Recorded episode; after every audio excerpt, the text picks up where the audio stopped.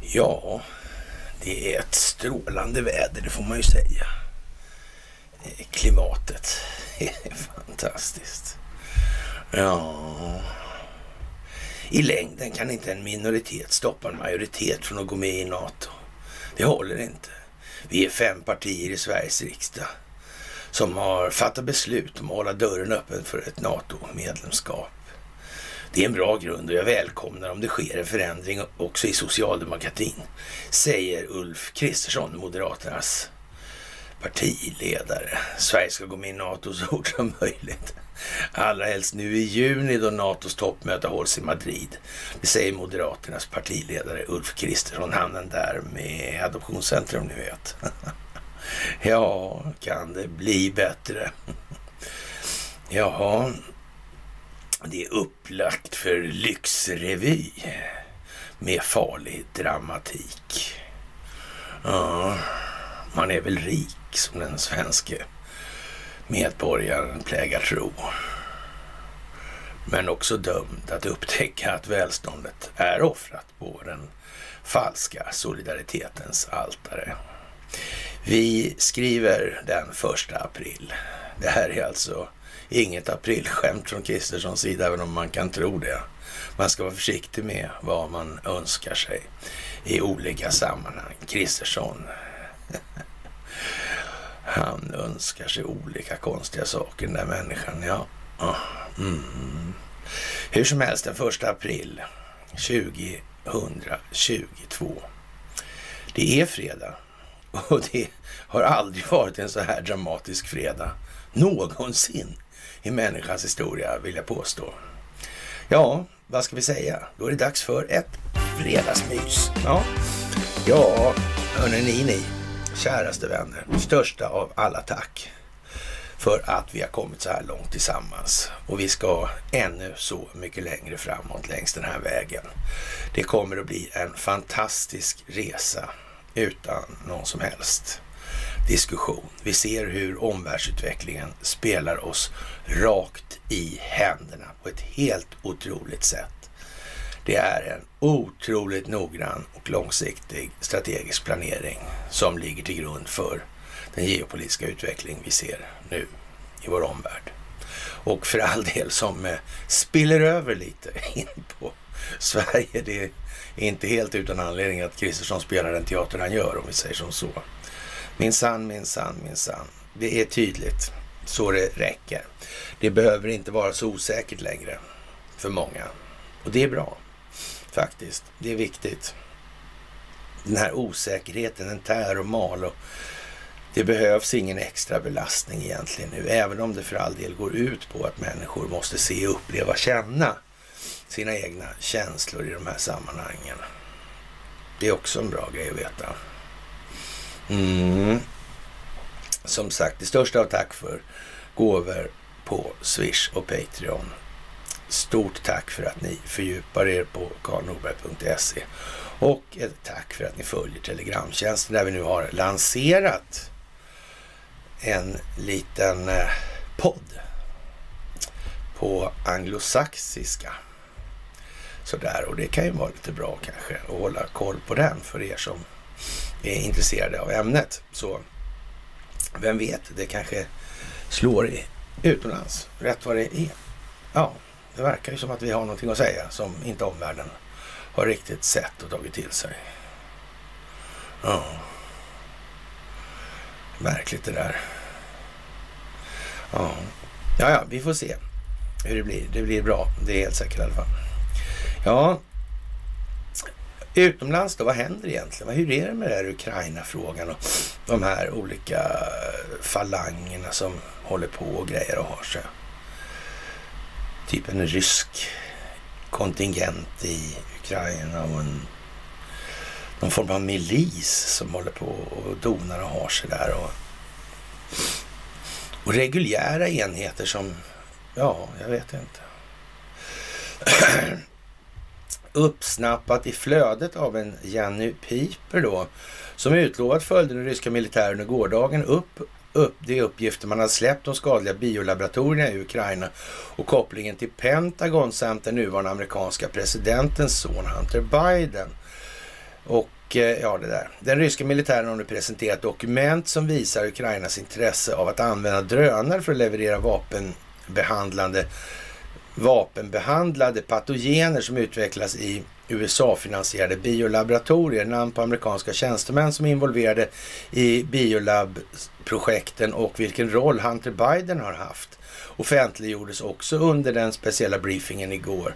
Ett av de viktigaste bevisen var ett brev från det ukrainska företaget Motorsich till den turkiska drönartillverkaren Baykar Makina, tillverkare av Baykar TB2 och Akinci UAV daterat den 15 december 2021. Ukrainarna frågade specifikt om drönarna kunde bära 20 liter aerosolförsedd nyttolast till en räckvidd på 30 mil, då eller 300 kilometer, vilket gör dem inom räckhåll för ett dussin ryska storstäder och nästan hela Vitryssland.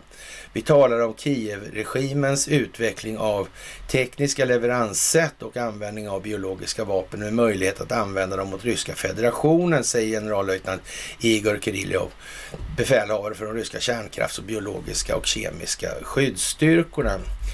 Kirillov refererade också till ett amerikanskt patent nummer 8-967-029, för en mekanism för att distribuera aerosol aerosoliserade patogener från en drönare. USAs svar på en rysk förfrågan 2018 om detta patent förnekade inte dess existens men hävdade att det tekniskt sett inte bröt mot Washingtons skyldigheter enligt fördragen som förbjuder kemiska och biologiska vapen. Man kan ju använda dem för att spraya åkrarna med också sådär. Ja, Kirillov visade undertecknade kontrakt mellan amerikanska statliga myndigheter, Defense Threat Reduction Agency, DTRA, Pentagon, Utrikesdepartementet och det ukrainska hälsoministeriet såväl som de specifika anläggningarna i Ukraina. Pentagon spenderade mer än 30 miljoner dollar för biologisk forskning bara på en ukrainsk anläggning, Folkhälsocentret vid hälsoministeriet. DTRA-tjänstemannen Robert Pope var en av nyckelfigurerna i programmet och författaren till idén om att skapa ett centrallager för särskilt farliga mikroorganismer i Kiev, sa Kirillov. Pentagons biologiska projekt i Ukraina koordinerades av Joanna Wintroll, chef för DTRA-kontoret i Kiev tills hon lämnade i augusti 2020. Hon ledde projektet UP4, UP6 och UP8 för att studera dödliga patogener, inklusive mjältbrand, Kongo, krimfeber och leptospiros. Den amerikanska myndigheten kontakt kontaktpunkt var Ukrainas hälsominister 2016-19, Juliana Suprun, själv amerikansk medborgare, med, medan en stor mellanhand var den privata entreprenören Black and Veach, vars kontor i Kiev leddes av Lance Lippencott.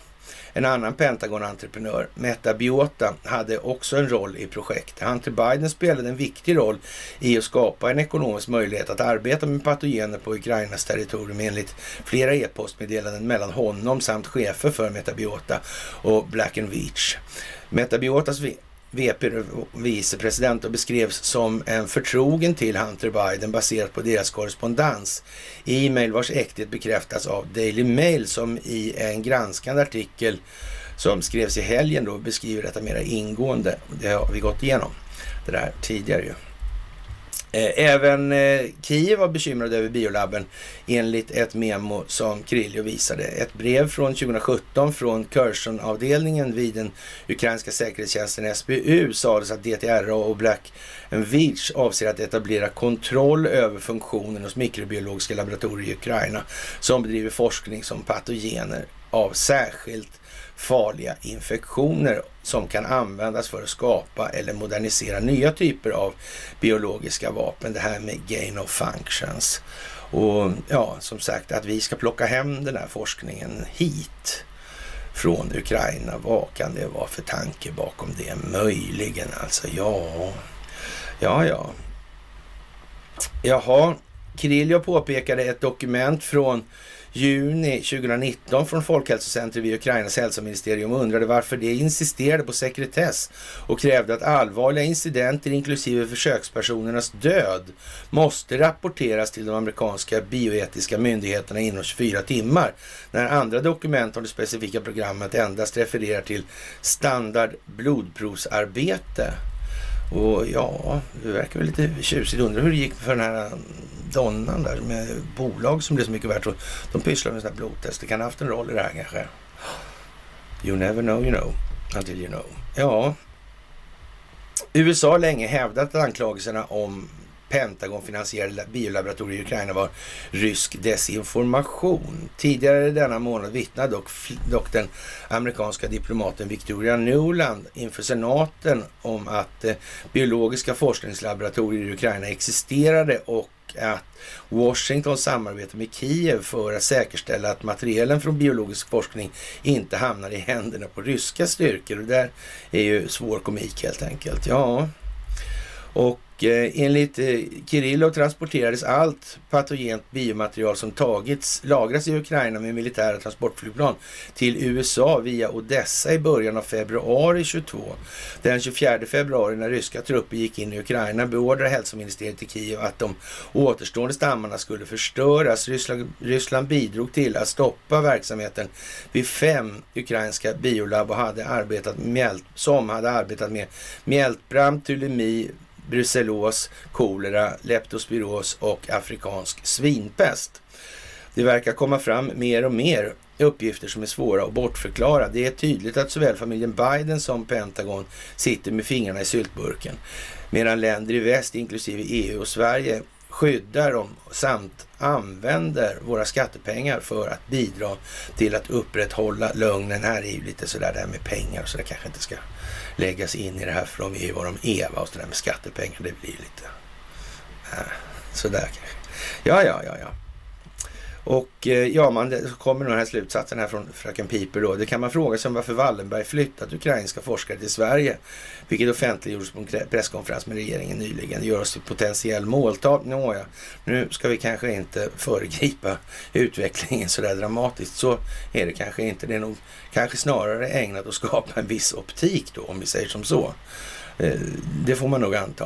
Och jag vet inte, om vi samma dag i media blir avslöjade med att eh, vara underleverantör, underleverantör till rysk kärnvapenindustri, då är inte jag så helt säker att alla missar att det är samma bolag det handlar om. Jag vet inte. Faktiskt inte. Och tittar man då liksom sig omkring här i världen hur det här ser ut med Hans Westbergs karriär och, och det måste kanske nästan vara planerat allt det här. Va? Han sitter ju ändå i ledningen på Blackrock alltså. Också dessutom, förutom för Verizon alltså. Och osämjan med Ericsson och tralala liksom. Den klassiska devisen när man ska infiltrera en organisation så där man skickar in två stycken då. Och sen börjar de att träta in i organisationen. Varav den ena vinner sympatier och den andra verkar mest besvärlig. Ja, en klassisk metod. Lite omvänd liksom. Härska genom söndring. Man blir liksom trygg i att se den här människan kämpa liksom. Och, och vad bra allting är. Man slutar misstänka att det här kan vara liksom en liten teater i, i det här. Alltså. Ja. Kan någon ha tänkt på det? Man kan säga så här. Har man inte upptäckt att det är så, då har man inte hållit på tillräckligt ordentligt i den här branschen med upplysning. Det är alldeles jävla säkert. Ja, ja, det är det som det är. Fantastiska tider på hela taget. Härliga tider, strålande tider skulle Tor Modén ha sagt alltså. Och det var en mycket speciell skådespelare. Och eh, det här med techjättarna. Fan, hur är det där egentligen? Kanske det här med Yandex har med saken att göra. Vi delade en alldeles för lång artikel för att läsa här. Och eh, ja, det är mycket speciellt alltså. Det här med Yandex. Liksom. Det är alldeles för viktigt anser Vladimir Putin. Det verkar även så att i USA börjar tyckas att det är alldeles för viktigt att de här techjättarna håller sig till vad de borde göra istället. För att springa enskilda intressen. Mm. Jim Jordan han har agerat i saken till exempel. Ja, det har påbörjats undersökningar. Man kommer tillbaka till det alldeles strax. Ja, det är lite eljest kanske. Oligarker på sanktionslista fick guldvisum alltså. Och eh, åtta icke namngivna ryska oligarker på Storbritanniens sanktionslista har fått så kallat guldvisum för att bo i landet. Och jag vet inte exakt hur man ska se på det där. Och det har andra länder också sådana här guldvisum. Det beror på hur mycket man investerar i de här länderna som man vill ha visum i då, beroende på beloppets omfattning, nominella beloppets storlek alltså. Ja, kan det vara så att det där är liksom, och, och det här är ju kopplat på något vis till banker då? då? Mm. Är det kanske världens jävla vaskarverksamhet det här eller? Kan det vara så? Kan det vara så ja. Mm. Och då känns det på något vis som att i så fall så Ja, då är brittiska kungahuset inte långt bort i korridoren. Eller? De har ju en del jurisdiktion i skatteparadis om man så uttrycker sig lite hovsamt. Men det kommer vi också tillbaka till det här. Ja, det var ju det med prinsessan på vift och, som gav den amerikanska skattemyndigheten möjlighet att faktiskt gå igenom vad de där håller på med. Ja, men så gäller det ju fortfarande då att skapa då den rättsliga grunden att kunna agera på så att säga. Och då kanske man får ha lite läckor och, och sådana här grejer. För, för man kanske inte kan läcka det direkt från liksom, ja, berörd spionbyrå liksom och säga så titta vad vi hittade. det går inte. Det går inte. Ungefär som med Edward Snowden. Det går liksom inte för då Admiral Rogers då att komma med de där uppgifterna. Det kommer inte bli något bra alltså. Det kommer bli kåken på en gång. Och, eh, men verkligheten är nu den att den djupa staten är mycket svagare än vad man egentligen föreställer sig. Det är bara det att man inte vet var de här nådpunkterna sitter. Det är det som är det stora problemet. Så man vet liksom inte var man ska kliva eller sätta tassarna. Riktigt sådär. Det, det går aldrig att vara säker på det helt enkelt. Det därför blir det ju hela tiden eh, liksom ett litet spel då. Man får testa i de här sammanhangen. Ja, den brittiska regeringen meddelade den 10 mars att sanktioner hade införts mot 18 ryska affärsmän värda cirka 30 miljarder pund alltså. Vilket då motsvarar ungefär 284 miljoner kronor, miljarder kronor då. Och det är ju ett gäng då det här, Roman Abramovic och gängen. Men, men däremot så står det ingenting om Sundsvallsoligarken alltså. Och redan där ska man bli misstänksam, alltså när man inte tar upp det. Det är ju lite udda. Han med pennan där alltså. Det var ju ändå, man gjorde liksom ett tv eller Youtube-gig av det här. Också innan allt det här började. Alla skulle veta att Deripaska var ett svin liksom. Det är nog inget, inget tvivel om att han, han har, har liksom tillskansat sig medel som man kanske inte borde ha ur ett moraliskt perspektiv. Men, men det är samtidigt inte så att eh, han har inte gjort egentligen sådär tokiga grejer och, och så vidare. De här får man nog nästan anta snart börjar utgöra någon form av del i det här spelet och det här måste vara planerat alltså sen ja, tidigt 90-tal alltså. Så. Och sen har då en hel skock med de här sållats bort då till exempel. Mikael Chodorkovsky och sådär. Mm. Han är naturligtvis en stor Navalny-anhängare och så vidare och så vidare och så vidare. Ja, ja, det är så. Och man skrotar hur som helst det här systemet med guldpass då och eller guldvisum när oron för att Ryssland skulle invadera Ukraina ökade. Systemet lanserades eller kördes igång 2008 och tillät personer som kunde investera 2 miljoner brittiska pund och ansöka om ett uppehållstillstånd med sina familjer. Och hur snabbt den sökandes guldvisum beviljades då beroende på av hur mycket pengar de planerar för att investera i Storbritannien. För den som kunde investera 2 miljoner, eh, 2 miljoner pund så tog det fem år, men den som kunde investera 10 miljoner pund drygt, 124 miljoner kronor, tog det bara två år. Och eh, ja, och eh, sedan det här systemet infördes då har det brittiska inrikesministeriet utfärdat blygsamma 2585 för 81 guldvisum till ryska medborgare. Se där ja. Men det var inte planlagt eller? inte alls, inte alls, inte alls. Ja, ja, det är lite sådär speciellt kanske. Mm. Det var nog tänkt så här att det skulle bli som faktiskt just nu. Det är ju kanske bra att, att tänka på nu faktiskt.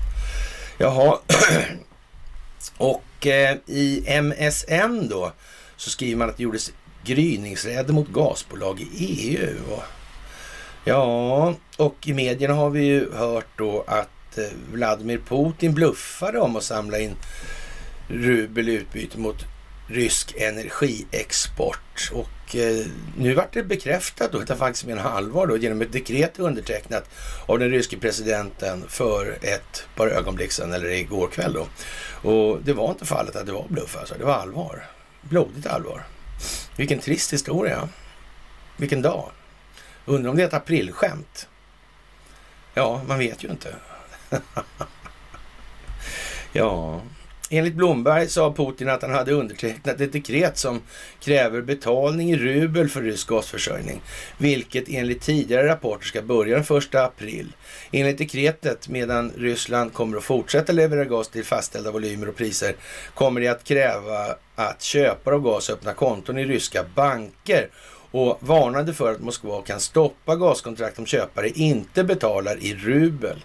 Dessutom kan nya förfaranden i euro eller US-dollar då blockeras. Putin pressade det som, att, som många såg som en bluff till kanten och sa att aktiva kontrakt kommer att stoppas om kraven inte uppfylls och förklarade att åtgärden är avsedd att öka avvecklingen i nationella valutor. Ja, det är lite speciellt alltså. Och eh, när man gör en gryningsräd på bland annat ett Gazprom-anslutet bolag i Tyskland här. Det är allvar nu. Och nu kommer det hamna saker mellan skål och vägg. Och det kommer att bli mycket speciellt. Inte minst för svensk vidkommande. Det har liksom bullats upp en smula för det. Och eh, ja, som vi har sagt vid något enstaka tillfälle, det kommer rulla in ja, börjar liksom från Ukraina. Men jag tror att i och med att då först och främst den eh, ukrainske presidenten höll ett tal då till den svenska riksdagen. Och dels då eh, att man från myndigheter och Investors sida, eller familjen Wallenbergs sida, har den här presskonferensen om att ta hit de här forskarna. Biokemlabbforskarna från Ukraina. Det får man nog anse är vad som definierar komma in rullande helt enkelt. Jag tror det inte blir så mycket tydligare än så faktiskt. Det är inte möjligt ens. Ja, det är ju lite sådär dramatiskt skulle man kunna säga, minst sagt. Och eh, ja, vad ska man säga? De här eh, dokumenten då som relaterar då till amerikansk militär biologiska aktiviteter i Ukraina. Det är ju vad det är nu helt enkelt. Det är ingen konspirationsteori alltså. Utan det är etablerad fakta i sak alltså. Det är liksom så här ser det ut i den faktiska grunden. Ja, så det är väl bara... att man har tänkt att experimentera på människor, men är, är det särskilt lämpligt?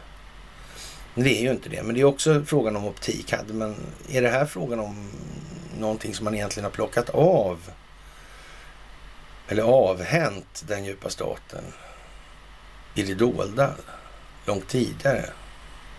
Är det här egentligen en jättestor teater vi ser? Ett folkbildningsprojekt alltså. Men fortfarande gäller ju det här att människor måste uppleva sina egna känslor. De måste se. De måste få intryck. De måste ta intryck. De måste bearbeta. De måste förstå. De måste släppa gamla känslogrunder och värderingar. Ta ett steg framåt i sin egen utveckling för att samhället som helhet ska kunna utvecklas. Det är viktigt nu.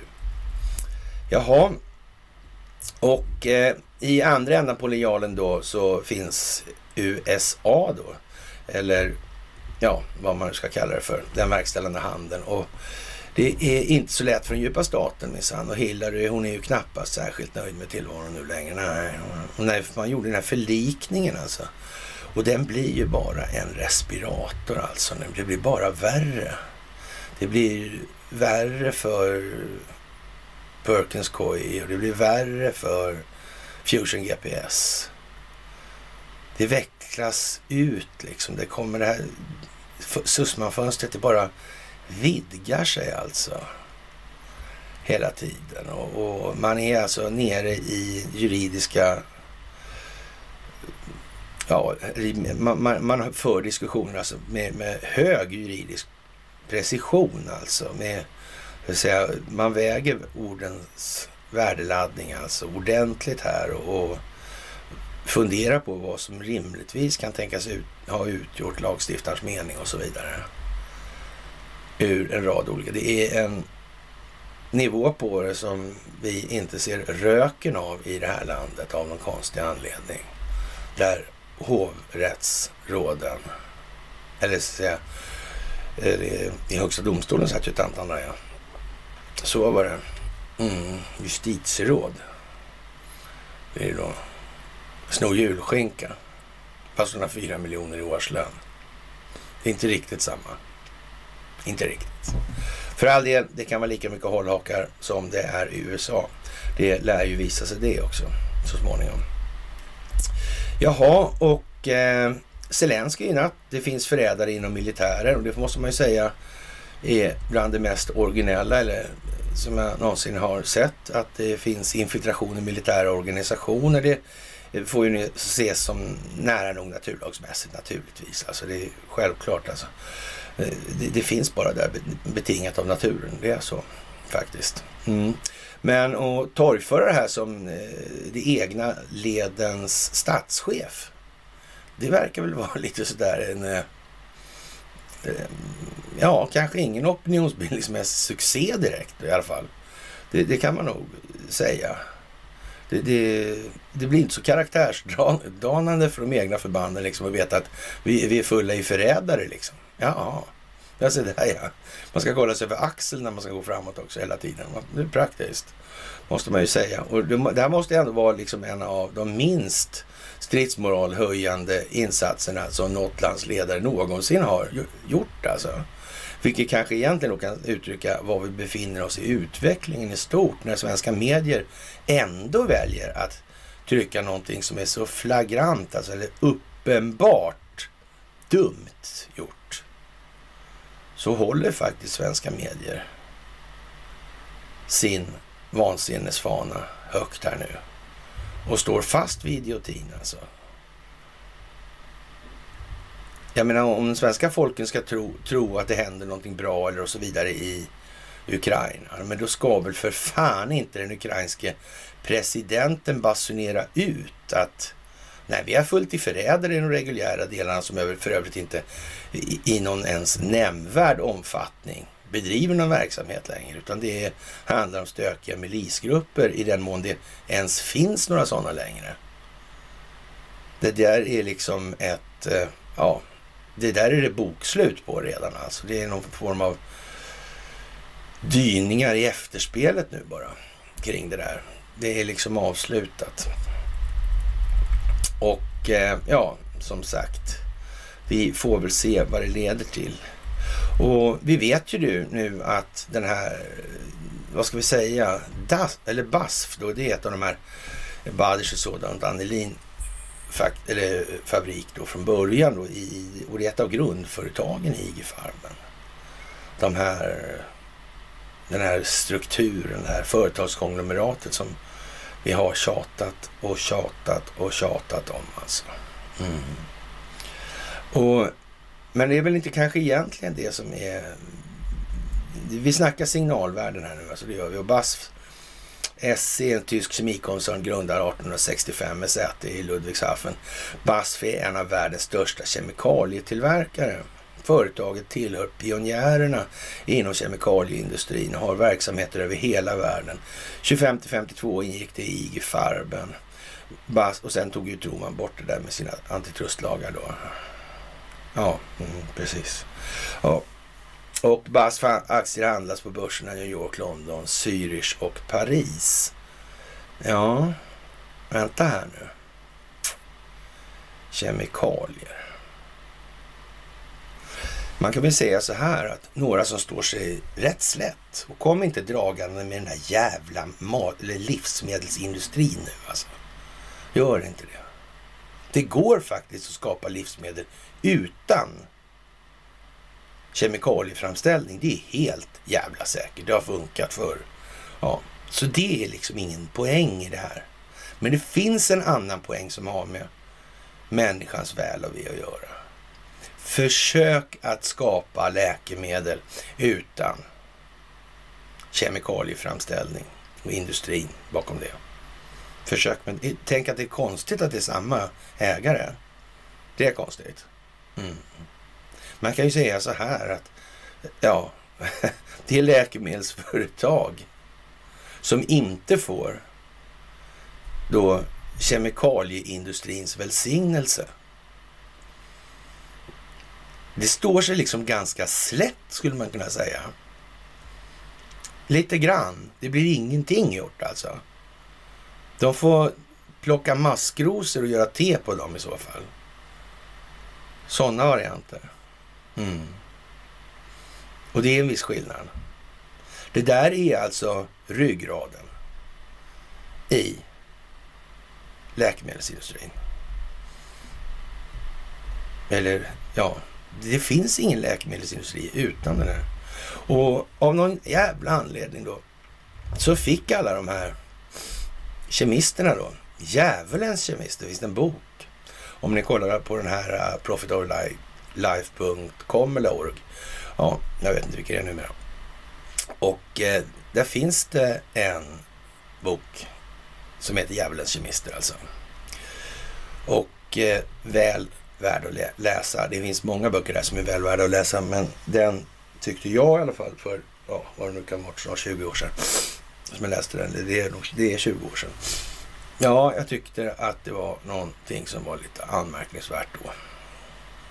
Numera så är det mest ja, samma då, då hela tiden och vi går runt, runt.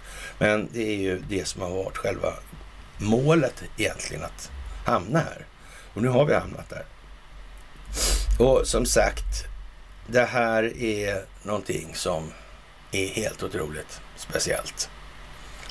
När man börjar ge sig på BASF i det här. Då är vi långt ner i kaninhålet. Det är alldeles säkert. Och då har vi allt ifrån kommer Thyssen, det kommer Silesian Steel Incorporated. Det kommer en massa, massa olika ja, gamla gubbar fram. Och lustigt nog, otroligt nog alltså, så sitter de ihop i ett kluster. Och det kommer familjen Wallenberg, det kommer familjen Dall, det kommer det ena, det kommer en det andra i det här. Och det går om och om igen.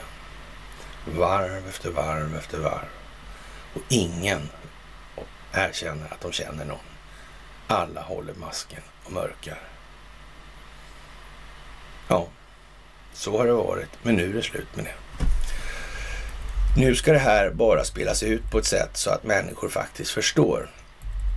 Hunter Bidens mamma, höll jag på att säga, men hans barns mamma i vart fall, det barn som han inte vill kännas vid då, som han är far till enligt DNA-tester. Då hon, London Roberts, hon, ja, så att säga, bryter tystnaden angående det här med Hunter Bidens vandel och handel. Och, och det kan man ju ha liksom tycka både en och andra om. Och eh, tänk om Joe Biden då faktiskt har, eh, han redan satt i skiten ordentligt, redan liksom ens innan presidentvalskampanjen, alltså långt innan decennier tillbaka kanske, i saxen. Då får man ju nästan känslan av att för fan, då kan ju man... Ja. Tänk vad konstigt att ingen tagit han.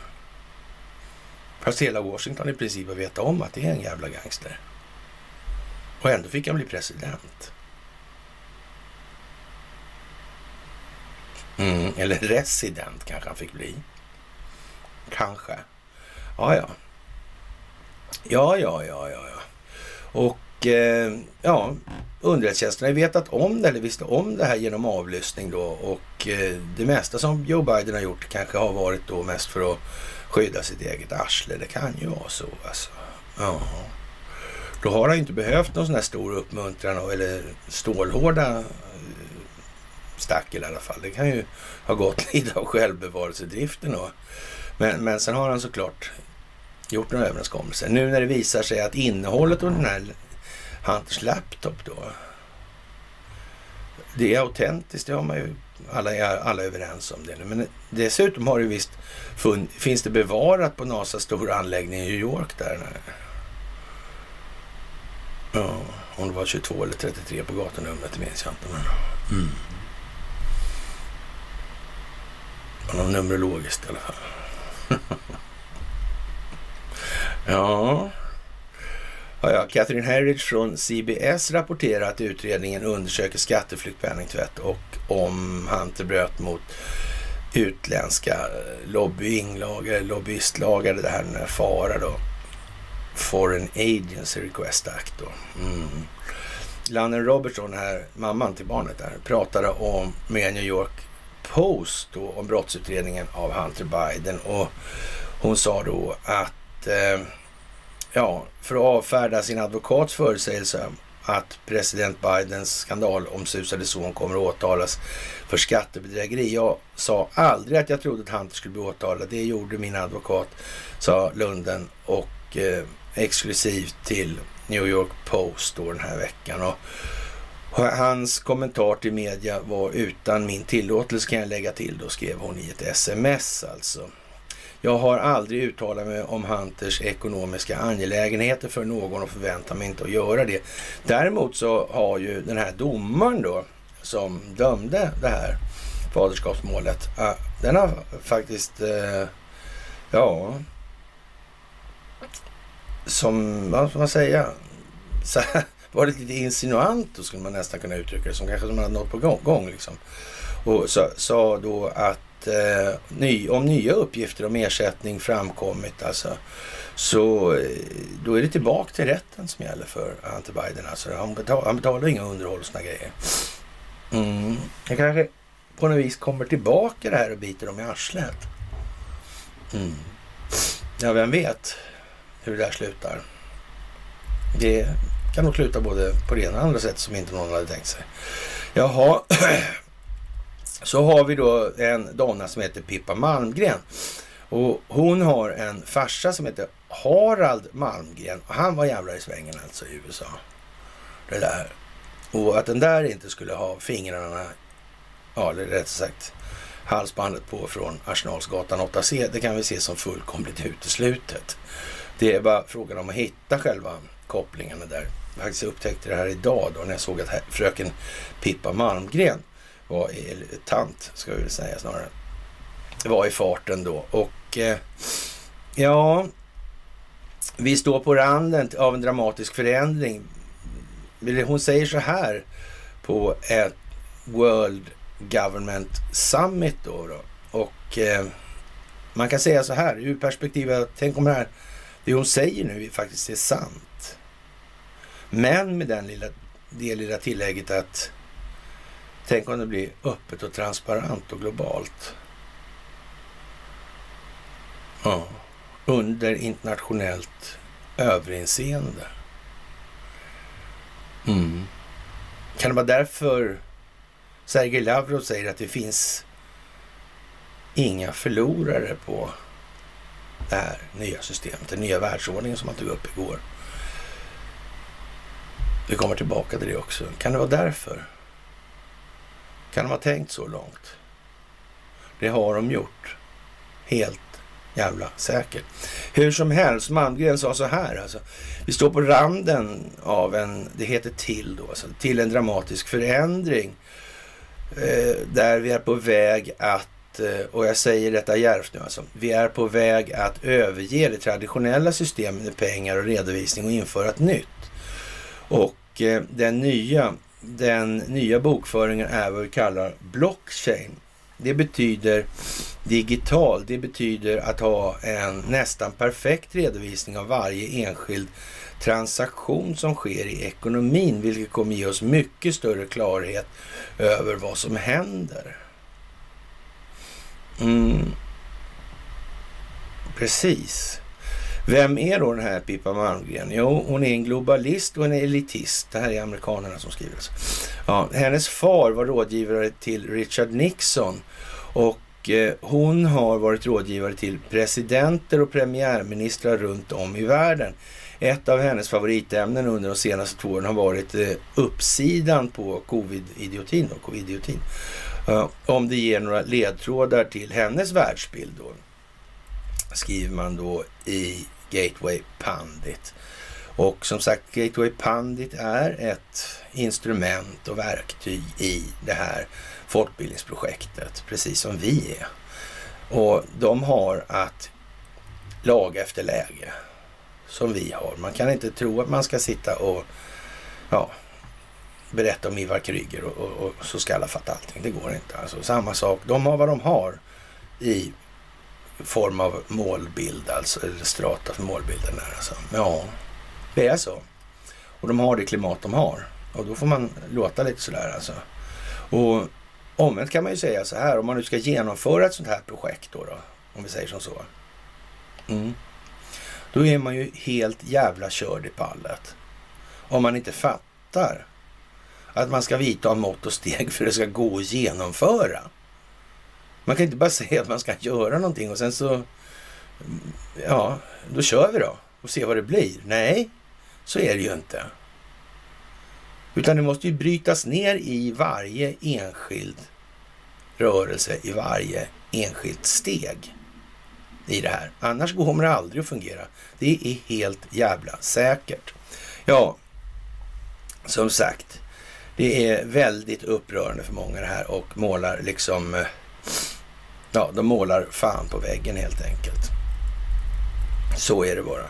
Och så kommer vi tillbaka till det här då att eh, ja, eh, husets juridiska republikaner då eh, ja, sätter igång en undersökning om Facebook och Twitter, Twitter då för det här man har blockerat länkar till det här med Hunter Bidens dator som nu är fastställt till att vara autentisk.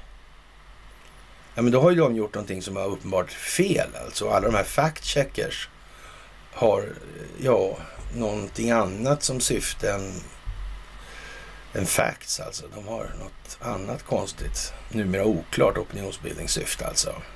Och det kan man ju tycka liksom, eh, kan man ju tycka är lite tråkigt, men det är nog bättre än så faktiskt. Det här kommer ju naturligtvis i, samtidigt som den här historien med Yandex i Ryssland kommer.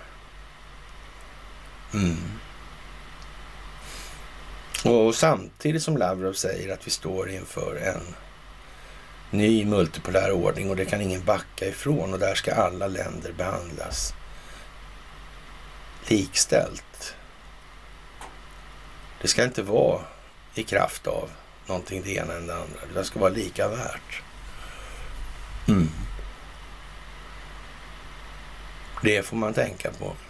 Och då helt plötsligt är det inte enskilda, då måste länder som sådana entiteter alltså hålla på med mutor och fiffla och ha sig medan resten av jordens länder då ska stå och titta på och inte säga nu fifflar de där.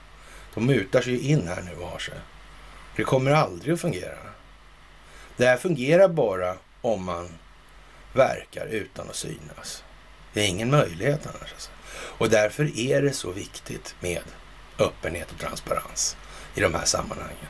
Och det är ännu mer märkligt det här med att Ja, okej, okay, vi kan ju acceptera att den politiska adeln i horhuset inte säger som det är. Det, det är väl inte så mycket att be för, va? Men ändå de här alternativen alltså.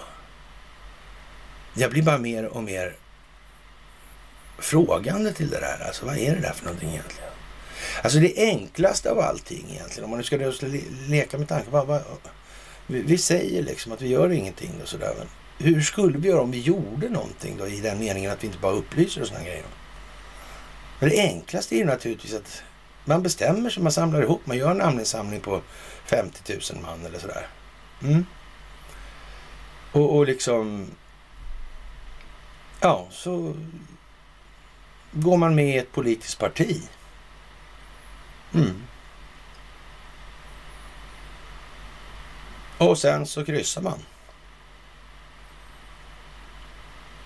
Det är ju liksom... Det är väl det mest banala liksom. Men det här andra alltså. Jag vet inte, jag blir inte klok på det. Vad, vad tänker de sig? Det enda, enda, enda som är liksom riktigt rimligt i de här sammanhangen, om man ska säga vilken nivå sker det här spelet på? Om vi ser utifrån eller ur det perspektivet och vilka ämnen diskuterar vi idag här? Nu alltså. Så. Vad är det här som alternativrörelsen håller på med då för någonting? Ja, det är självmord alltså. Det kan inte vara så mycket annat. De vet vad de gör. Det går inte att räkna, det går inte att se på något annat vis. Faktiskt. Ja, ja. Det visar sig hur som helst. Det är jättespeciellt. Take away the bullhorn så att säga. Processen har ju pågått en stund då i de här sammanhangen och, och det blir bara bättre och argumenten för transparent förstatligande av plattformarnas befintlighet då förefaller plötsligt inte så avlägset längre heller i USA då. New York Post skaffar en hårddisk från Hunter Bidens övergivna ja, bärbara dator. Och Big Tech gick, in, gick upp i överväxel för att undertrycka historien och försöka skydda den. Joe Biden då. E-postmeddelandena som hittades på Hunter Bidens bärbara dator visade den inre verksamheten som den kriminella familjen Biden. Republikanska lagstiftare anklagade Twitter och Facebook för att hjälpa till att skydda Joe Biden från ökad granskning av olämpligheten som beskrivs i New York Post-artikeln. Strax före valet 2020 anklagade Twitter och Facebook, anklagade eh, anklagades Twitter och Facebook för att hjälpa till att skydda Joe Biden från ökad granskning av olämpligheten i det här. Alltså, jaha. Strax före valet eh, 2020 undertryckte Twitter en explosiv artikel i New York Post som beskriver hur Hunter Biden använde sin fars, nu president Bidens, position och inflytande för personlig vinning med president Bidens uppenbara medvetenhet. Eh, vi skrev till Twitter vid den tiden, skriver Jim Jordan här då, med viktiga frågor om Twitters medvetna undertryckande av skyddad aktivitet i det första ändringsförslaget. Twitter ignorerar vårt brev och har under månaderna sedan, sedan dess då undvikit någon meningsfull ansvarsskyldighet för sina handlingar. Nu när till och med New York Times bekräftar riktigheten i New York Post rapportering undersöker vi Twitters agerande för att blanda sig i den fria och rättvisade valrelaterade offentliga diskurs på denna plattform till fördel för president Biden och till nackdel för tidigare presidenten Trump, skrev Republikanerna i ett brev till Twitters vd pa Parag Agrawal. Ja, och ett liknande brev skickades också till Facebooks Mark Zuckerberg, lustigt nog. Ja, se där ja. Se där ja. Kanske är så att det är kanske lika bra att det där är en kommunikationsplattform. Ja. Mm. Och den ska hållas under allmän uppsyn. Mm. Faktiskt. Och det är väl bara att ersätta en av alla myndigheter som ska läggas ner med en myndighet som ägnar sig åt att hålla rent på nätet. Det kan man ju tycka. Ja, Big Tech och eh, de Demokraterna och stormedia där samarbetar för att hålla kritisk information från den amerikanska befolkningen inför det viktigaste valet de har då, presidentvalet. Så vi inleder en utredning, säger Jim Jordan där. Ja, det är liksom, inte så mycket att be för här nu. Det kommer det slag i slag alltså. Och eh, en annan sak är, är, ju lite speciell så här att eh, Bill Barr bröt mot lagen. Och, och han har då medvetandegjorts om att en före detta FBI-agent då har tyckt att det är massa konstiga saker och sådär. Och det här måste ju Bill Barr agera på. Och det gjorde inte Bill Barr.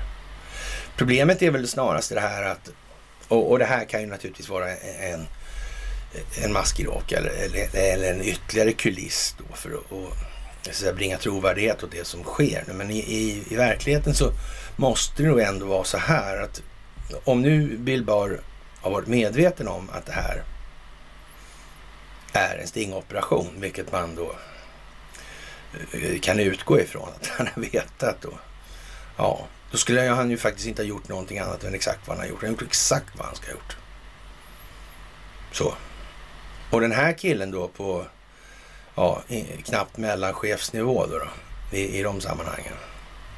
Han har väl inte riktigt den strategiska blick som krävs för att bryta ner det här. Eller också har han det och, och spelar teater naturligtvis, kan det vara så. Det kan vara det ena eller andra. Men det måste på något vis framstå som att eh, det här har varit en kamp mellan två jämngoda spelare då, fram till nu då. Men så är det naturligtvis inte fallet i verkligheten. Det ska man ju faktiskt också tänka på. Då. Det har ju varit i säck innan det kommit på sig bra länge det här som vi har sagt. Jaha, och eh, Hillary Clinton bröt ju alltså mot federala lagar med det här med Perkins, Koji och Fusion GPS. Bruce Orr och hans fru Nelly Orr. Det, här. det är ju rena jävla kalanka och där gjorde man den här förlikningen från Clintons sida. Och det är ju ett erkännande och det är ju ingenting som är bra att ha då i ryggen eller på huvudet när Donald Trump stämmer. Det är ju inget lyckat. Såklart inte. Och det här kommer bli ett helvete för väldigt många människor. Helt säkert. Var det kommer att ställa svenska medier någonstans? Ja, det är bara att säga det rakt av. Eh, ni kan dra åt helvete. Ni har inte sagt någonting rätt under hela den här långa tiden av en given anledning som bara ni vet och som vi bara kan tänka oss i det fall ni inte väljer att utveckla hur ni ser på saken själva nu, här, kör. Ja, ja, men ni hajar, det där, de sitter ju där de sitter lite grann, så kan man säga. Jaha, och eh, det här med museet i Ljungaverk uppe i Indien där alltså. Ja, det är speciellt. Det där kommer inte släppa. Fan heller alltså. Och den här radioaktiviteten som fanns där i Ljungaverk då. ja, hur blev det här egentligen? Tokigt. Ja, så dumt det kunde bli. Ja, ja permaskan Hej och hå liksom. Mm. Jag har alltid varit tungt klimat i häll som det står där med själv. Eh, tänk att de inte kom på att de skulle sätta den där liksom till, i, i någon av längsriktningarna på E4 där alltså. De satte den så här. Eh, det, var, det kanske hade varit lite, för dumt att sätta skällågan ut mot havet. Det, det simmar ju inte förbi så mycket folk ändå så det kan ju inte ha varit meningslöst kanske. Men, men, att de inte satte den på... Ja, de tänkte att alla skulle se den då sådär och vända sig om och köra på. Ja, jag vet inte. de tänkte det var konstigt i alla fall. Mm. Kunde kanske kosta på sig två eller något. Jag vet inte. Jaha, det är ju lite spännande får man säga. Som sagt, och eh, det här med medierna då, att de så att säga inte har gjort någonting åt det här. Vad har svenska medier gjort då? Ingenting. Hur har de hållit på i Ukraina här man? Mm. Hur har de på med Russiagate? Mm. Hur har de hållit på med under covidiotin? Mm. Och så vidare, och så vidare, och så vidare. Och de som har kritiserat det här då, ja, vad, vad kallar de dem för? Ja, det är stigmatiseringsbegrepp hela tiden. Trevliga grejer det där, faktiskt. Mm. Jaha. Jag vet inte riktigt hur de har tänkt sig det här alltså. Nu. För idag är det dagen liksom. Rubelbetalt redan från, från fredagen är det liksom. Ja, hur ska de göra nu då? Ska de säga att Putin är dum? Och, och så ska de sitta och säga det många gånger då till, till han slutar vara dum? Eller hur fan har de tänkt sig? Eller är det när han blir besegrad i kriget i Ukraina? Där den sista biten av den jävla skitmilisen springer runt bland kärringar och ungar och gömmer sig. Ja. Nej, men det kan vi ju vänta på. Det kommer säkert bli bra. Ja, ja. Jaha, som sagt, Rysslands utrikesminister Sergej Lavrov säger då att en ny verklighet tar form. Alltså den unipolära världen är oåterkalleligen under avveckling eller på väg in i sin historia och den multipolära världsordningen föds. Ingen på jorden kommer vara betraktad som en andra klassens spelare. Alla nationer kommer att betraktas lika och suveräna. Ja, det är inte så där litet. Det är ju snudd på bombastiskt, men icke desto mindre sant för den sakens skull. Alltså. Det är... det, är stor, det är stora omvälvningar. Det, det går inte större eller liksom. Det går inte större på den här planeten än, än globala omvälvningar. Det, det är det största måttet liksom. Sådär. Ja, och, och, ja, det får man ju säga. Och om vi gör ett lite mindre mått då, så i sammanhanget så, så är det det minsta kanske då så här. För kartläggningen av människans arvsmassa är äntligen komplett alltså. Då skulle vi kunna få en individuell bedömning gällande virussjukdomar om vi verkligen behöver Vaxispaxis istället för den här skiten som vi har idag liksom. Eller hur? Och så kommer det, kommer det här jävla dråpslaget mot kemiindustrin och utan kemiindustrin, ja då finns inte Vaxispaxis-industrin. Det, är, det verkar ju, fan det verkar sitta ihop ändå alltså. På något jävla vis alltså. Och, och för säkerhets skull, för att det inte ska bli för mycket gafflande och kaxigheter, så har de ingen gas i Tyskland. Och det slår extra hårt mot BASF just. Läkemedelsindustrins, ja, kan vi kalla det för hjärta då. Utan det blir det inte mycket pumpat helt enkelt. Då får de helt enkelt göra mediciner utan kemikalier. Mm, vad bra, naturmedicin. Ja, det tror jag inte de är så intresserade De är inte patenterade så de går inte tjäna någonting på. ja, det är lite speciellt faktiskt. Och så kommer då immaterialrätten in i det där i alla fall då. Och så vidare. Det går bara runt. Jaha, Jimpa Pimpa, han har haft eh, diskussioner med då Ygeman och, och, det kan man ju säga som Reine sa då, när en trallgök debatterar med en annan trallgök kan man då förvänta sig någonting annat än gökboet? Svaret på den frågan är nej, det kan man naturligtvis inte. Det är faktiskt helt uppenbart att det är bara det det blir, att det är två riktiga jävla clowner liksom. Är det någon av trallgökarna som varken nu, förr eller senare någon annan gång i människans historia har adresserat det här med Arsenalsgatan 8C? Nej, inte det, nej, nej, okej. Okay. Men eh, då är det väl bara vad det är då kanske? Eller? Det kan vara så. Va? Ja, och eh, ja, ja, det är ju så. Eh, vad dessa två trallgökar däremot hanterar alldeles förträffligt i sina respektive roller är konsten att polarisera och få folket att fokusera på allt annat än vad folket borde fokusera på. Och det kan man ju tycka är lite konstigt. Och så var det det där med elefanten i rummet alltså. Åkesson ryter ifrån är Aktuellt nu. får du skärpa dig. Stämningen blir hätsk i Aktuellt ikväll. Anders Ygeman anklagar Jimmie Åkesson för att göra skillnad på flyktingar efter religion och färg. Hudfärg, nu får du skärpa dig, svarade SD-ledaren.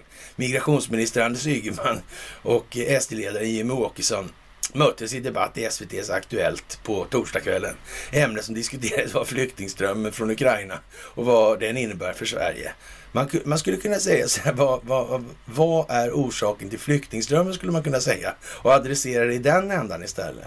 Istället för att liksom hålla på och tjattra om, om symptomen och vad man tycker om symptombehandlingen. Skulle det kunna vara något? Varför inte, vad, vad, vad sägs om att stänga av det där helt och hållet? Då har man i alla fall tid på sig att ta hand om de här problemen som redan är här. Mm. Men, men om det, man håller på här bara och skiter i så att säga, orsaken, då lär man inte tillfriskna särskilt snabbt. Nej, det lär inte hända alls faktiskt. Ja, det, det är ju ja, speciellt alltså. Och att det tillåts hålla så här. Det, det, säger någonting också. Varför gör man det? Är det för att visa den svenska befolkningen att det, det där är ett skämt? Det spelar ju ingen roll vad vi röstar på. Det är ju rena larvet alltihopa. Det är ju ingen av de här som är värd att ta på det minsta allvar. I något som helst sammanhang. Det är lika sålt rakt igenom. De ägnar sig ju inte åt upplysning. De har hållit och tjattrat då en halvtimme där. En halvtimme hinner man ju säga en hel del bra saker på. Som faktiskt skulle betyda någonting för befolkningens medvetna medvetande. Kanske rent utav skapa lite förbättrad självförståelse på sina håll. Folk kanske skulle kunna släppa en och annan vanföreställning som ligger till grund för individens känslogrundande värderingar. Kanske, men det gör de inte. Nej, de mal på på samma sätt som de alltid har gjort. Jag tycker det är fantastiskt. Jaha, det tycker jag inte alls kanske, men eh, ja, ja, ni fattar ju. Ja, sanktioner som eh, införs mot och ska ha förberetts i förväg och eh, skulle ha genomförts oavsett. Och det kan man väl säga alltså egentligen. Faktiskt. Det här är ju någonting som är så att säga riggat och sen är det ju så att den här i den mån det är så att säga planerat av den djupa staten så blir det så att säga kapat på ett tidigt stadium och sen får de så att säga spela vidare och de flesta i då villfarelsen om att de faktiskt kommer att ro det här i land. De har inte fattat att de är lurade än alltså. Det är ju liksom så det här går till. Och eh, ja, vad ska man säga? Det är ju liksom... Ja, någonstans lite tragiskt att konstatera att det är så illa ställt i... i man, man, har, man, man får ju lätt intryck att det här måste vara människor som förstår mycket mer än vad de faktiskt tycks förstå alltså nu. Det verkar snarast uppenbart och då, där ska man inte heller vara så snäll som man ger dem det ja, utrymmet att de kan vara dumma i huvudet. Alltså de, de, ska hållas för att ha förstått det här och sen får de i princip då förklara varför de förstår nu men inte förstod då. Ja, och, och det ska så att säga vara en trovärdig förklaring ifall det ska vara värd någonting. Det går inte annars. Det är, är kanske inte så roligt att hålla på med, men det är i alla fall så. Som sagt, april, april, din feta sill. Nej, ja men, eller så kanske. Mm. Jag kan lura dig vart jag vill i alla fall. Och det är väl kanske regeringens valspråk egentligen till befolkningen och har varit så väldigt länge. Och eh, ja, laptopen från helvete och det är ju som sagt, det är ju Hunter Bidens inre värld också. I alla fall vad som ska föreställa den inre världen då. Hur det är i verkligheten vet vi inte. Men vi kan konstatera, precis som amerikanska underrättelsetjänsten konstaterar, det ser ut som en eh, arketypisk sak när det kommer till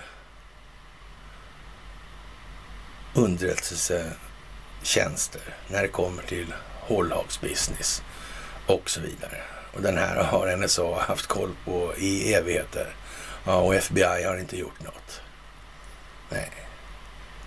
Det är nog några på FBI som i det här läget tycker att det var jävligt dumt gjort av oss.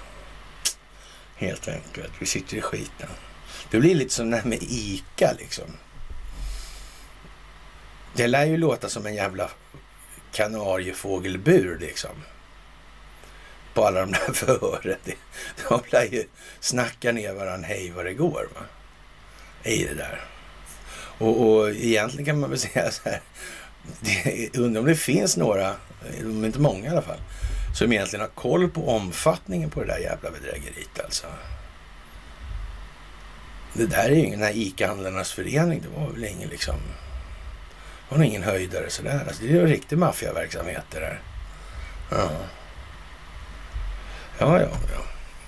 Geniet bakom den där, han var i och för sig rätt så snäll sådär, men Ja, jag tycker inte det där verkar något bra helt enkelt oavsett.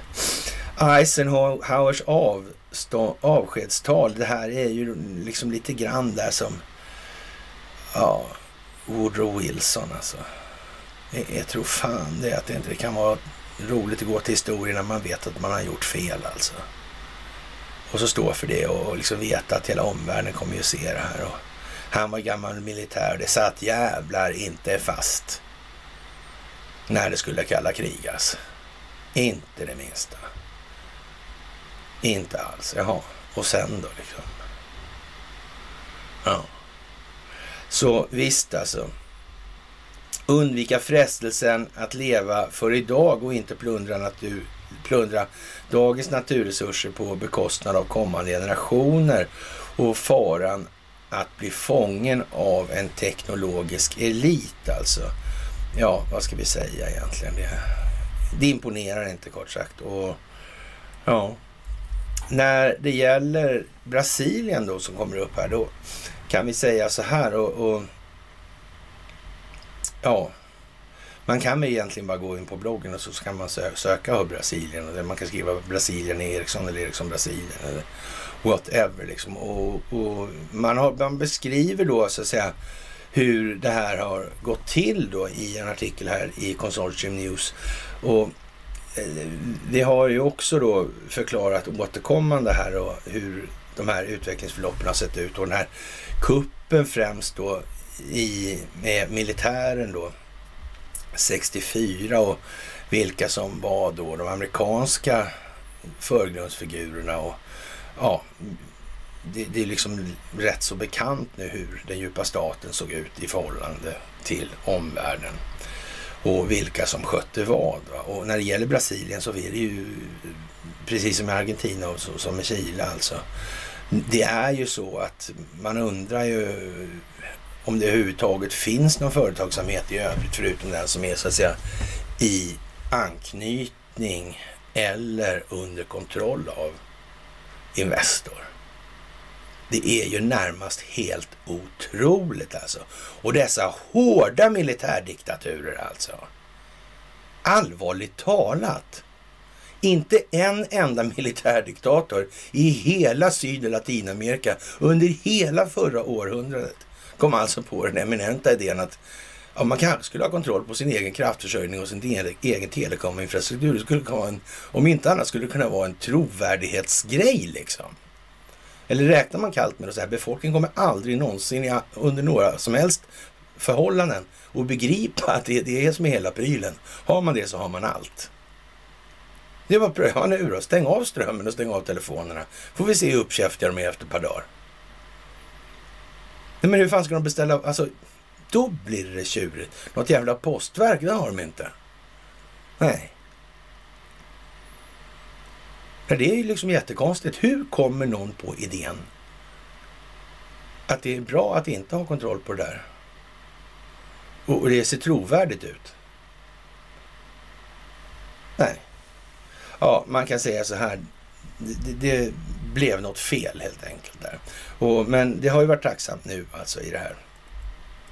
Och eh, ja, som sagt, det brasilianska imperiet snackar man här med konsortium nu. Jag vet fan, alltså det där är ju lite, ja, som sagt, det är ju, annars är det ju, så att säga, det, det är ett parallellt spår i de här sammanhangen. Och eh, ja, det klingar det är bara att titta på bloggen alltså. Så, men artikeln som sådan är, är ju liksom lite intressant sådär med, med Kennedy och så vidare. Och ja, så, så det finns lite ja, hänvisningar till CIA-dokument som avhemligats då och så vidare. Det, det är ju liksom bra. Men eh, som sagt, det är återigen, vad blev nettoeffekten av det här? Och, ja, det är ju som det är och där kan man väl säga så här, den har ju största krigsmakten då i Syd och Latinamerika, eller till numerären i vart fall. Och, och, det är klart att det är en viktig faktor i det här och det där har man ju så att säga, ja, där sitter det stenhårt och syns inte alls utan där är ju liksom Scania och Volvo, Electrolux, Ericsson, Atlas Copco, Hennes och Mauritz. Det är ju ingen som ens tänker på att de är svenska. De är ju liksom bara där. Och de har alltid varit där. Så det är liksom inget konstigt utan det finns ingen anledning för dem att misstänka någonting för det har ändå alltid varit så bara. Och ingenting annat. Och eh, ja, och den här kuppen mot Dilma Rousseff för det här, ja, det är då man säger den gradvisa utslitningen av demokratin i Brasilien och glidningen mot militariseringen och eh, nu står de inför några månader om ett viktigt presidentval. Och man, man, kan väl säga så här att det eh, vore ju jävulst märkligt kan man säga om de här som driver på för att bekämpa den djupa staten och skapa den här multipolära världsordningen som Sergej Lavrov beskriver. Om de hade glömt hela jävla Brasilien liksom. Ja men eller hur? Det händer nog. Säkert. Det tror jag verkar jättetroligt. Eller kanske möjligen inte så troligt. Jag vet inte. Lite osäker i den andan alltså. Ja. Jaha, och eh, allsvenskan simulerade en miljon gånger. De vinner och de åker ut, kommer inte att vara med och slåss och så vidare. Och, och ja, det är ja, på allsvenskan alltså. Fotbolls, på fotbollskanalen. De simulerar en massa case då alltså. Undrar om de gör det utifrån de här mätningarna som man gör metadatavis då. Det skulle de inte göra, nej. nej. Vem vet, vem vet, vem vet, vem vet. Snart är det dessutom ingen idé att hålla på med den utpräglande egennyttodriften som har varit ledande fram till nu. Det vet ju redan de här datorerna då. Blir man markerad som en sån, ja, då är det väl trist historia då. Det är inte mer med det. Då blir man ett kronhjon som får stå på glasberget. Punkt slut. Som inte folk vill ha att göra med. Det finns ju inget annat. Ska man, vadå? Nej, vi ska värna och vi ska inte tala om att det här är en idiot. Nej, nej nej men han utgör en fara för både sig själv och alla andra, men vi ska inte tala om det. Eller hur? Ja, men så kanske inte det ska vara. Nej, nej, nej. Som sagt, det är som det är. Ja, vad ska vi säga om det här med Arizona då och ja, den här Mark Brnovich. Han eh, anser då att det kanske är dags att ta lite ja, rättsliga grepp på den här kärringen Hobbs då. Och det, hon har ju vissa skyldigheter som hon absolut inte har några ambitioner att uppfylla. Däremot har hon en hel del andra ambitioner som, som verkar vara mer eller mindre lagstridiga. Och det, den upp, eller så här, tycks ju delas av den här Mark Brnovich, ja, stats och delstatsåklagaren där. Och jag tror att det, det, kommer att trycka på lite här alltså. Och det är så många delstater nu också. Och det gör ju ingenting bättre då för underlivsporslinet alltså. Men, men, Donald Trump han verkar ha varit den viljan att det här ska ju då liksom gå så städat till som möjligt. Och det är för, förstahandsvalet då är väl det som vi tyckte då är det absolut bästa är att man får en av eller desertifiering av det här igen då. då. Ja, och om det inte går att få dit henne, då är det ju synd om då en del av maktdelningsprinciperna, alltså den dömande delen, då är den värdelös. Alltså, då är det inte någonting att spara på ens. Om den inte klarar av att välja det viktigaste valet, liksom, eller rädda det viktigaste valet som Jim Jordan tycker då.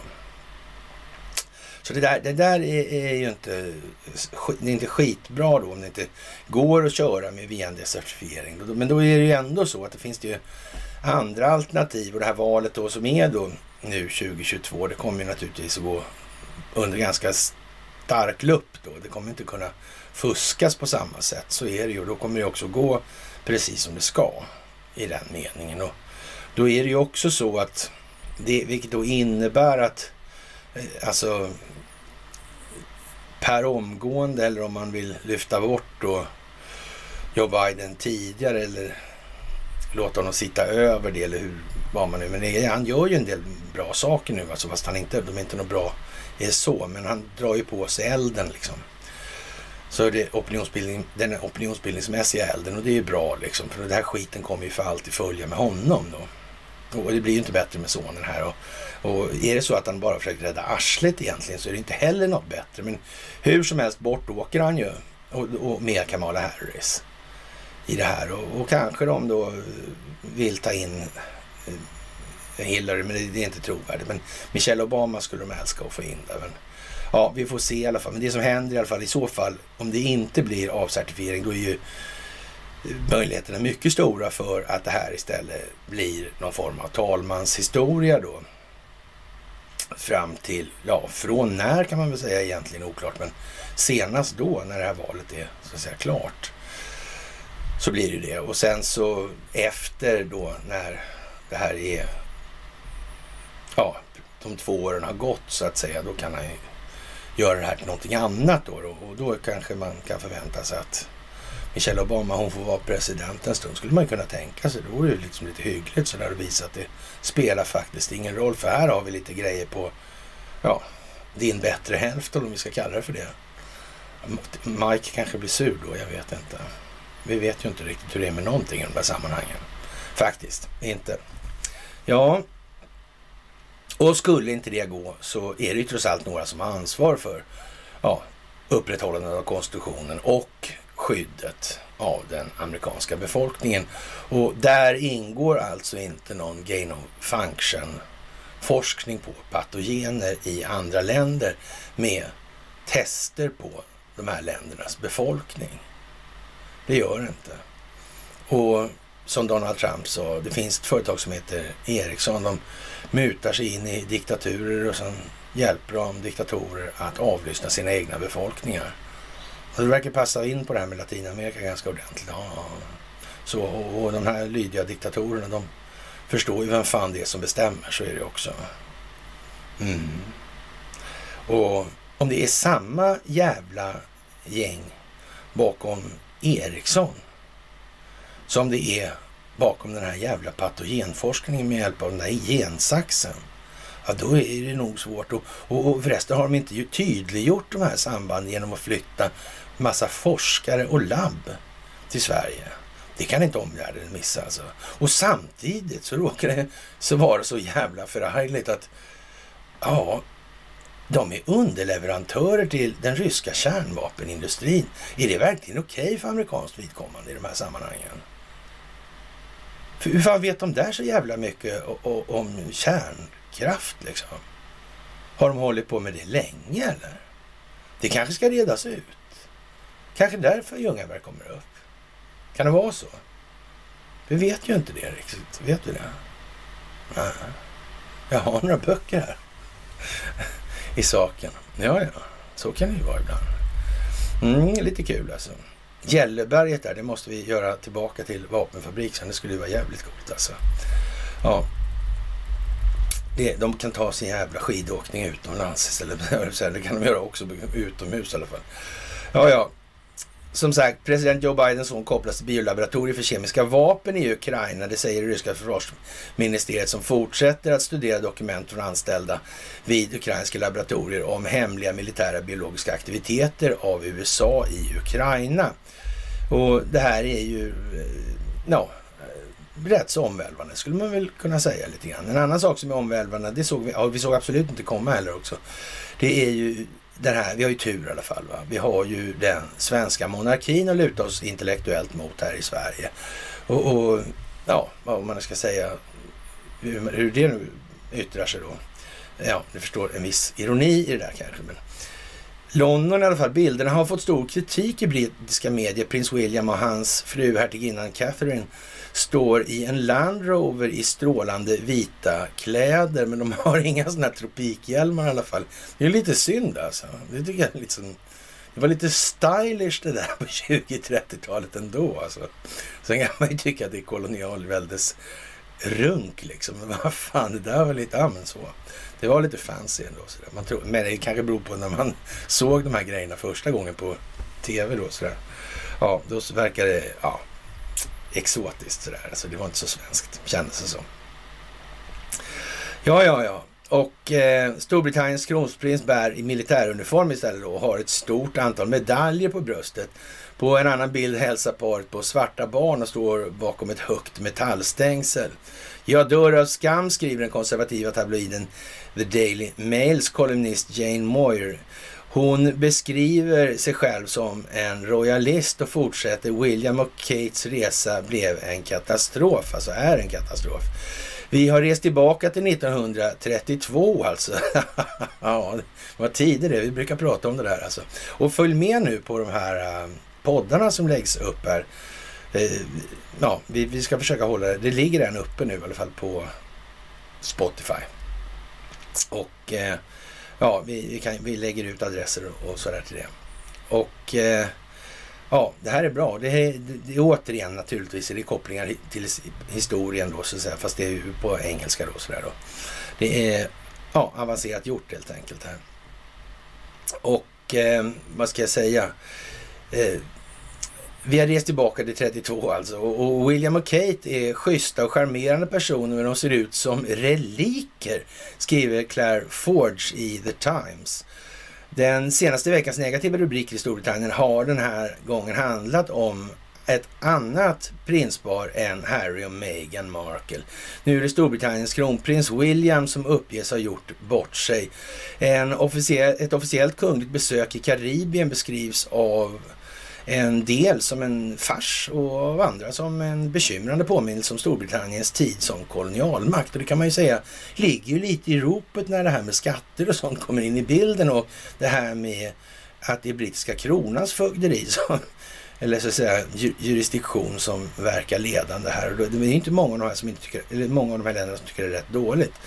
Och eh, till och med Labourledaren Keir Starmer ger prinsparet kritik. Han beskriver bilderna från resan som något från vårt förflutna, men han berömmer även William och Kate där och i en intervju med radiokanalen LBC för att paret har varit villigt att diskutera samväldets framtid. Och vi har ju under rätt så lång tid påstått att det här samhället har ja, så att säga, mist sin eh, samfunktion och nu bara ja, det är enväldigt. Alltså det har det varit hela tiden. Något jävla samvälde har aldrig varit frågan om.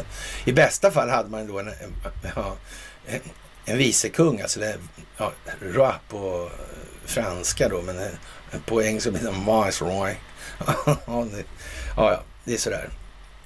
Lite sådär helt enkelt. Ja, och eh, samväldet består alltså av 54 länder här och som har hört till det brittiska imperiet. 34 av dem har valt att inte stanna kvar eller ha kvar drottningen som överhuvud längre. Då. Under de senaste åren har allt fler av medlemsländerna diskuterat om de ska bli republiker. I bland annat Jamaica får en kampanj som ska avskaffa monarkins stöd av framträdande politiker. Och under prins William och Kates besök till Jamaica, eller på Jamaica kanske till och med, förklarade landets premiärminister Andrew Holness för prinsparet att landet tänker bli en republik och han valde ju tillfälle, måste jag säga. Han säger kanske någonting. Samtidigt hölls demonstrationer i huvudstaden Kingston för att kungahuset skulle betala skadestånd för Storbritanniens roll i slavhandeln. Och någonstans får man väl säga så här, men vi har ju en monarki liksom. Ska vi begära att kungahuset, de kan inte ha hjälp av Investor. Ska de betala skadestånd till befolkningen i analogi med det här. För vad de har ställt till med. De har ju rimligtvis varit medvetna om vad de har gjort. De kan inte komma och säga att de inte fattar någonting om vad, allt som hände. Det, det går ju liksom inte längre. När de är tvungna att flytta hit biolabben och det kommer fram att de är underleverantörer till eh, rysk atomvapenforskning. Liksom. Nej, men det duger inte. Då kan man inte säga, det kommer de inte göra heller. Det, det, man bara säger att det här ser konstigt ut. Förklara det här för mig. Ja, så jag förstår det ordentligt. Hajar du? Ja. Ja, ja, men eh, hur som helst. Eh, ja. Ja, vad ska vi säga? Eh, demonstrationer är alltså inte ovanliga när de här dyker upp. Då. Men den här gången har medierna i Storbritannien valt att fokusera på just dem och kritiken mot prinspar. Den åtta dagar långa resan till Belize, Jamaica och Bahamas gjordes i samband med drottning Elizabeths jubileumsår. Hon satt på tronen i 70 år. Drottningen och hennes make prins Philip gjorde samma resa 53 alltså och senare 2002. Sen dess har Storbritanniens förhållande till länder som Jamaica skicka, skadats av Eh, Windrush-skandalen, alltså det brittiska inrikesministeriet felaktigt deporterat många brittiska medborgare med rötter i Karibien till länder där en del av dem aldrig bott. Samtidigt har den brittiska kungafamiljen skakats av anklagelser om rasism. Den riktades först och främst mot dem av prins Harrys fru Meghan Markle i intervju med Oprah Winfrey. Enligt de brittiska tabloiderna är prins William upprörd över hur hans resa beskrivs. Han har hållit, hållit ett krismöte med sina närmaste rådgivare. Prinsen släppte även ett sällsynt uttalande när han uttryckte sitt stöd för de länder inom samhället som väljer att bli republiker. Han, till, han tillade att besök till utlandet är en möjlighet att reflektera över saker. Man lär sig så mycket. Ja, vem vet, han kanske inte ens vill ha det här längre. Inte ens kungahuset själva. Och eh, det, den viljan kan ju möjligtvis gå i, gravet då med, i graven med Elisabeth den andra här nu. Tant Elisabeth. Ja, men i de brittiska medierna diskuterar man ännu en gång kungafamiljen och monarkins framtid. Konflikten mellan familjen och prins Harry och hans fru Meghan kvarstår. Drottningens son prins Andrew är fortfarande en skamfläck på grund av sitt koppling till sexförbrytaren Jeffrey Epstein. Inga svenska associationer där inte i något som helst sammanhang. Nyligen valde prinsen att betala en obestämd summa pengar till Virginia Jeffrey som stämt honom i en civil domstol i USA och anklagat honom för att ha förgripit sig på henne där när hon var minderårig. Drottning Elizabeth har hållit sig i skymundan under de senaste månaderna och dragit sig ur flera tillställningar. Orosmoln hänger över hennes hälsa och hon har nyligen återhämtat sig från insjuknande i covid. Är det här början på slutet för monarkin, frågar sig Jan Moir i en kolumn om prinsparets resa och fortsätter. Antagligen inte. Men det är en påminnelse om att framtiden ser komplicerad ut i en värld utan drottningen. Ja, det kan man ju kalla för veckans jävla understatement helt enkelt. Så det är små saker även i den ändan och det gäller naturligtvis även Sverige. Sverige måste bli republiken. Vi kan inte ha den republikanska föreningen med då motsvarande sådana här människor som Birgitta Olssons före detta partisekreterare eller politiska sekreterare som generalsekreterare. Det går för fan inte, det fattar vem som helst alltså. Utan det får ju bli städning i det där tramset alltså. Men som sagt, vad vi, vad vi ska ha någon republik ska vi väl ha, men sen behöver vi väl kanske inte, ja, sen kanske vi ska ha personval helt enkelt. Så kan de som vill vara politiker ställa upp för val då och då får de redovisa vad de ska hålla på med. Och så kommer det garanterat att finnas människor som tänker vakta det här alltså. Det ska man inte vara osäker på. Och öppenhet och transparens är det som gäller då i de sammanhangen. I det här. Mm. Och vi kanske inte ens har något val. Det kan ju vara så att omvärlden föredrar. Och tänk att de är väldigt många fattiga i den här världen. De har bara att vinna på öppenhet och transparens. Sen kan ju vi säga vad vi vill. Vad sa Lavrov? Alla ska betraktas lika. Mm. Vad synd då. För de som inte vill bli behandlade som alla andra. Trist historia. Ja, ja. Det kan man ju tänka lite på kanske. Och eh, jaha, så det är när man tar upp Hunter Bidens roll i finansieringen av biokemlabben i Ukraina på militära genomgångar, då är det ju som det är liksom. Ryska alltså genomgångar. Det, det är ju liksom, det finns ju inte så mycket att säga kvar egentligen. Utan det mesta blir ju med viss automatik sagt då. Och eh, han är lite kul, Zelenskyj i den mån han inte har massa förrädare inom militären så läxar han upp diplomater och, och, och påstår då att eh, med all respekt, eh, men om det inte blir några vapen, sanktioner eller restriktioner för ryska företag så kan ni vara vänliga och se er om efter andra jobb, säger den ukrainske presidenten och tillägger. Jag väntar på konkreta resultat av våra representanters arbete i Latinamerika, Mellanöstern, Sydostasien och Afrika. Jaha. ja, men det är ju kul ju.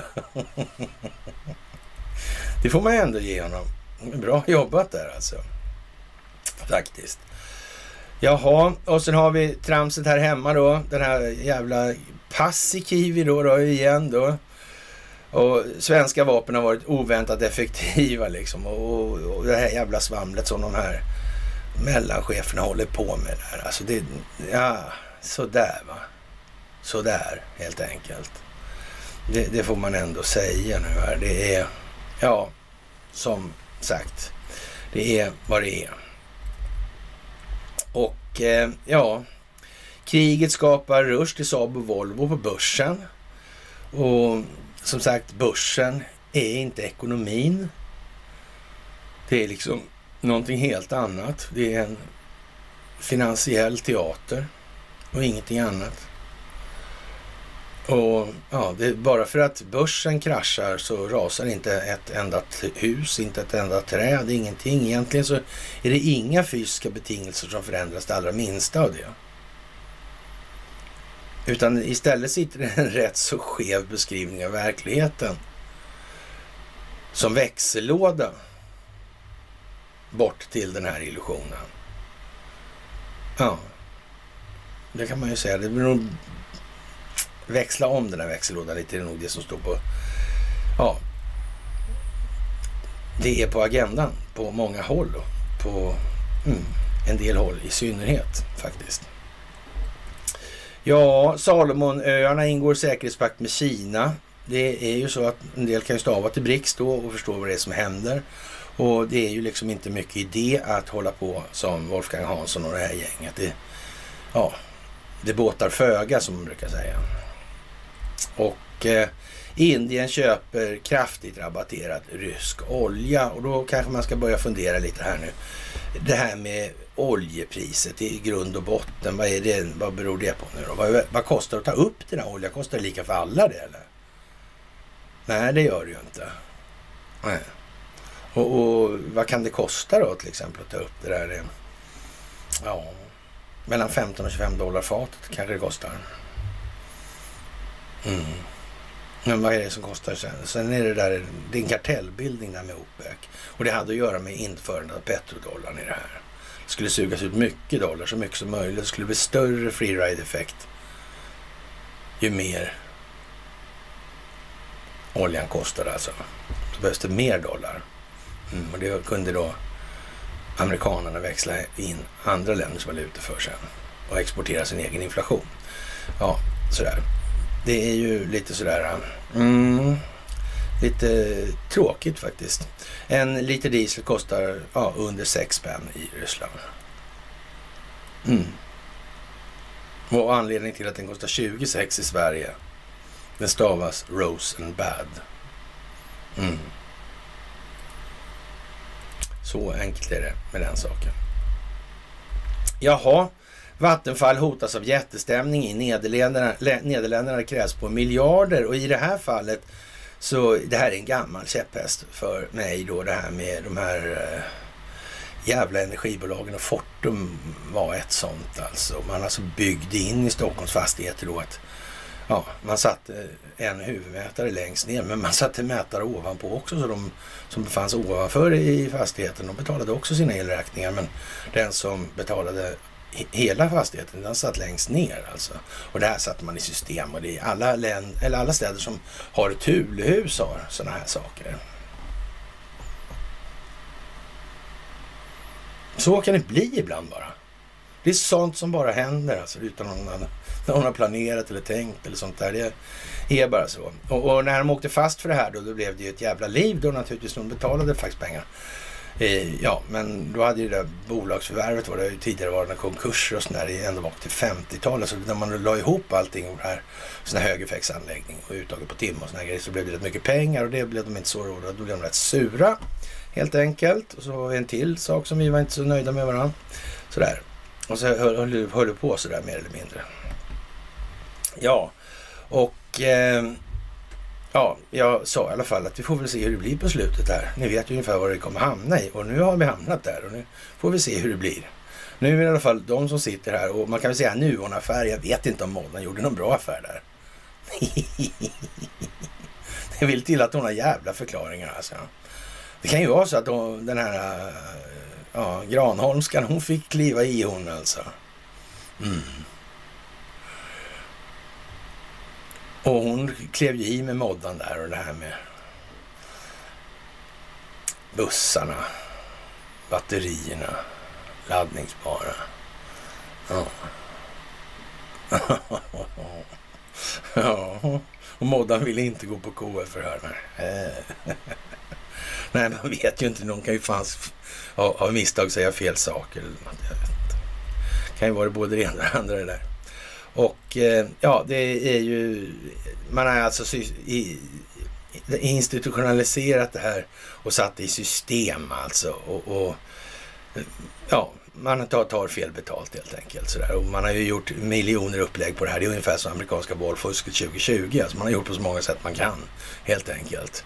Och, och, och sen får man väl driva, driva det processvägen om det är så mot de här energijättarna och för alla hugade spekulanter som ja, vi förstår att det går faktiskt att processa sönder folk och fä. Finansiellt alltså, så det är liksom inga svårigheter. Om man säger som så, fråga Stormy Daniels. Nu hade hon väl i och för sig fel i sak, så det var väl inte mer med det, men ja, egentligen. Men exempelvis i alla fall. Jaha, och eh, ja, det är ju tråkig historia kan man tycka också, mycket av det här. Och, och eh, många av de här avarterna kommer ju fram alltså. Och vad ska vi säga? Verizon i alla fall följer på börsen då. Då steg Hans Westbergs bonus. Alltså han sitter ju alltså i Blackrocks styrelse och han har varit verkställande direktör för Verizon Communications sedan 18 alltså. Och ja, ordförande också. Och man kan ju ställa sig frågan så här, hur kommer det sig egentligen att de i amerikanska bolag har samma verkställande person som styrelseordförande? Kan det ha någonting att göra med ansvarsutkrävandet att göra, det möjliga ansvarsutkrävandet? Mm. Alltså man kan säga om man tittar på svenska bolag så verkar det som man på något vis har anammat ett system där det verkligen inte ska gå att utkräva ansvar. Det ska ju liksom vara den verkställande handen som ska hänga, så den kan man ju bara sparka och ge en fallskärm. Sådär. Mm. Var det EU ville ha någon lagstiftning där om utökat ägaransvar, va? Var det inte så? Och det var några som var jävligt emot det där också. Ja, ja, man vet ju inte vad det kan bero på. Ja, och som sagt den här Westberg alltså. Ja. Ja. Han kom alltså inledningsvis till Verizon som teknikchef i augusti 18. Blev han VD alltså. Och mars 19 blev han även ordförande. Ja. Och han sa upp sig från Ericsson 16. Mm. Och han har ju varit i farten med de här, med, med de här skitaffärerna. Det har han i fingrarna. Kanske han måste vakta sitt arsle också. Det här stacklet måste ju på något vis ha en anledning. Jag undrar jag. Robert McNamara kom upp då och det här med Vietnamkriget. Jag vet inte, det är ju eh, lite speciellt. Det är också en jävla ja, gnölig... Jag vet inte vad alltså. Men eh, ett riktigt djupa staten-troll alltså. Ett riktigt jävla djupa staten-troll. Och, och de här försöken till analyser som kommer, det är ju liksom i de här artiklarna. Det är ju, ja, vad ska man säga? Det, det är vad det är liksom. Man, man har ingen koll på vad egentligen det här är för någon kraft eller vad den består av för några intressen och så vidare. Man har ingen aning om det, de bara säger något. Och det ska man kanske fundera lite på varför det är så. Men annars är ju personerna i tid och tiderna är ju liksom så redovisade bra då. Och Vietnamkriget, men den stora grejen med det där, det tar man ju inte upp. Och det är ju den där jävla kryptografmaskinen. Jag menar, det här hade ju inte kunnat vara så där långt i det här kriget. Om inte Vietkong hade tillgång till bakdörrarna. i så mått. Mm. Och det är möjligt att man flaggar för det här nu på något vis eller börjar ta upp det för att det ska så att säga finnas etablerat som tanke att det kan vara någonting i den riktningen. Men, men eh, som sagt, med kännedom om vad den här kryptografhistorien var för någonting så är det ju som det är. Och eh, det är ju bara det. Näst alla, alla jordens floder är förorenade av läkemedel. Men de här läkemedlen består av kemikalier kan vi säga. Mm. Så är vi tillbaka där vi var från början då med BASF. Mm. Sådär. Och eh, ja. Och som sagt, idag är ju en fantastiskt stor dag. Det här med att man måste betala för oljan i rubeln och rubeln är kopplad till guldet. Och det här gör ingen sommar för den amerikanska dollarn. Sådär. Och det måste vara så, för folk måste börja tänka. Folk måste börja förstå, faktiskt. Kina är ja, väldigt beslutna om att förstärka banden till Ryssland, säger man ifrån Pekings sida. Och det är liksom beror med anledning av kriget i Ukraina eller vad man ska kalla det för då. Och det är väl inte så mycket att diskutera om det ställningstagandet. Det är ju bara vad det är faktiskt. Och många tycker väl att det här är lite tråkigt. Kan man tänka sig. Några stycken i alla fall. Ja, svenska befolkningen till exempel. Vi tog upp igår med dagens Skifer, det visade sig naturligtvis den här flashiga ombyggnationen av stationen i Sundsvall har naturligtvis de haft fingrarna i också och hela kåken höll på att rasa. Jag vet inte fan om det inte snart är lika bra att man river det där skiten alltså. Ja, jag vet inte. Kommunhuset måste nog fan rivas och göra något annat av i alla fall. Ja, jag vet inte. Det är helt otroligt alltså. Det finns ju inte någonting som händer i Sundsvall som inte är kontaminerat av de där jävla dårarna. Faktiskt. Det verkar helt otroligt. Speciellt, speciellt, speciellt alltså. Och som sagt, Clinton ja, förlikas och de betalar böter för de här stildossier förehavanden de har haft med Perkins Coie och eh, med Fusion GPS. Och Sverige plockar hem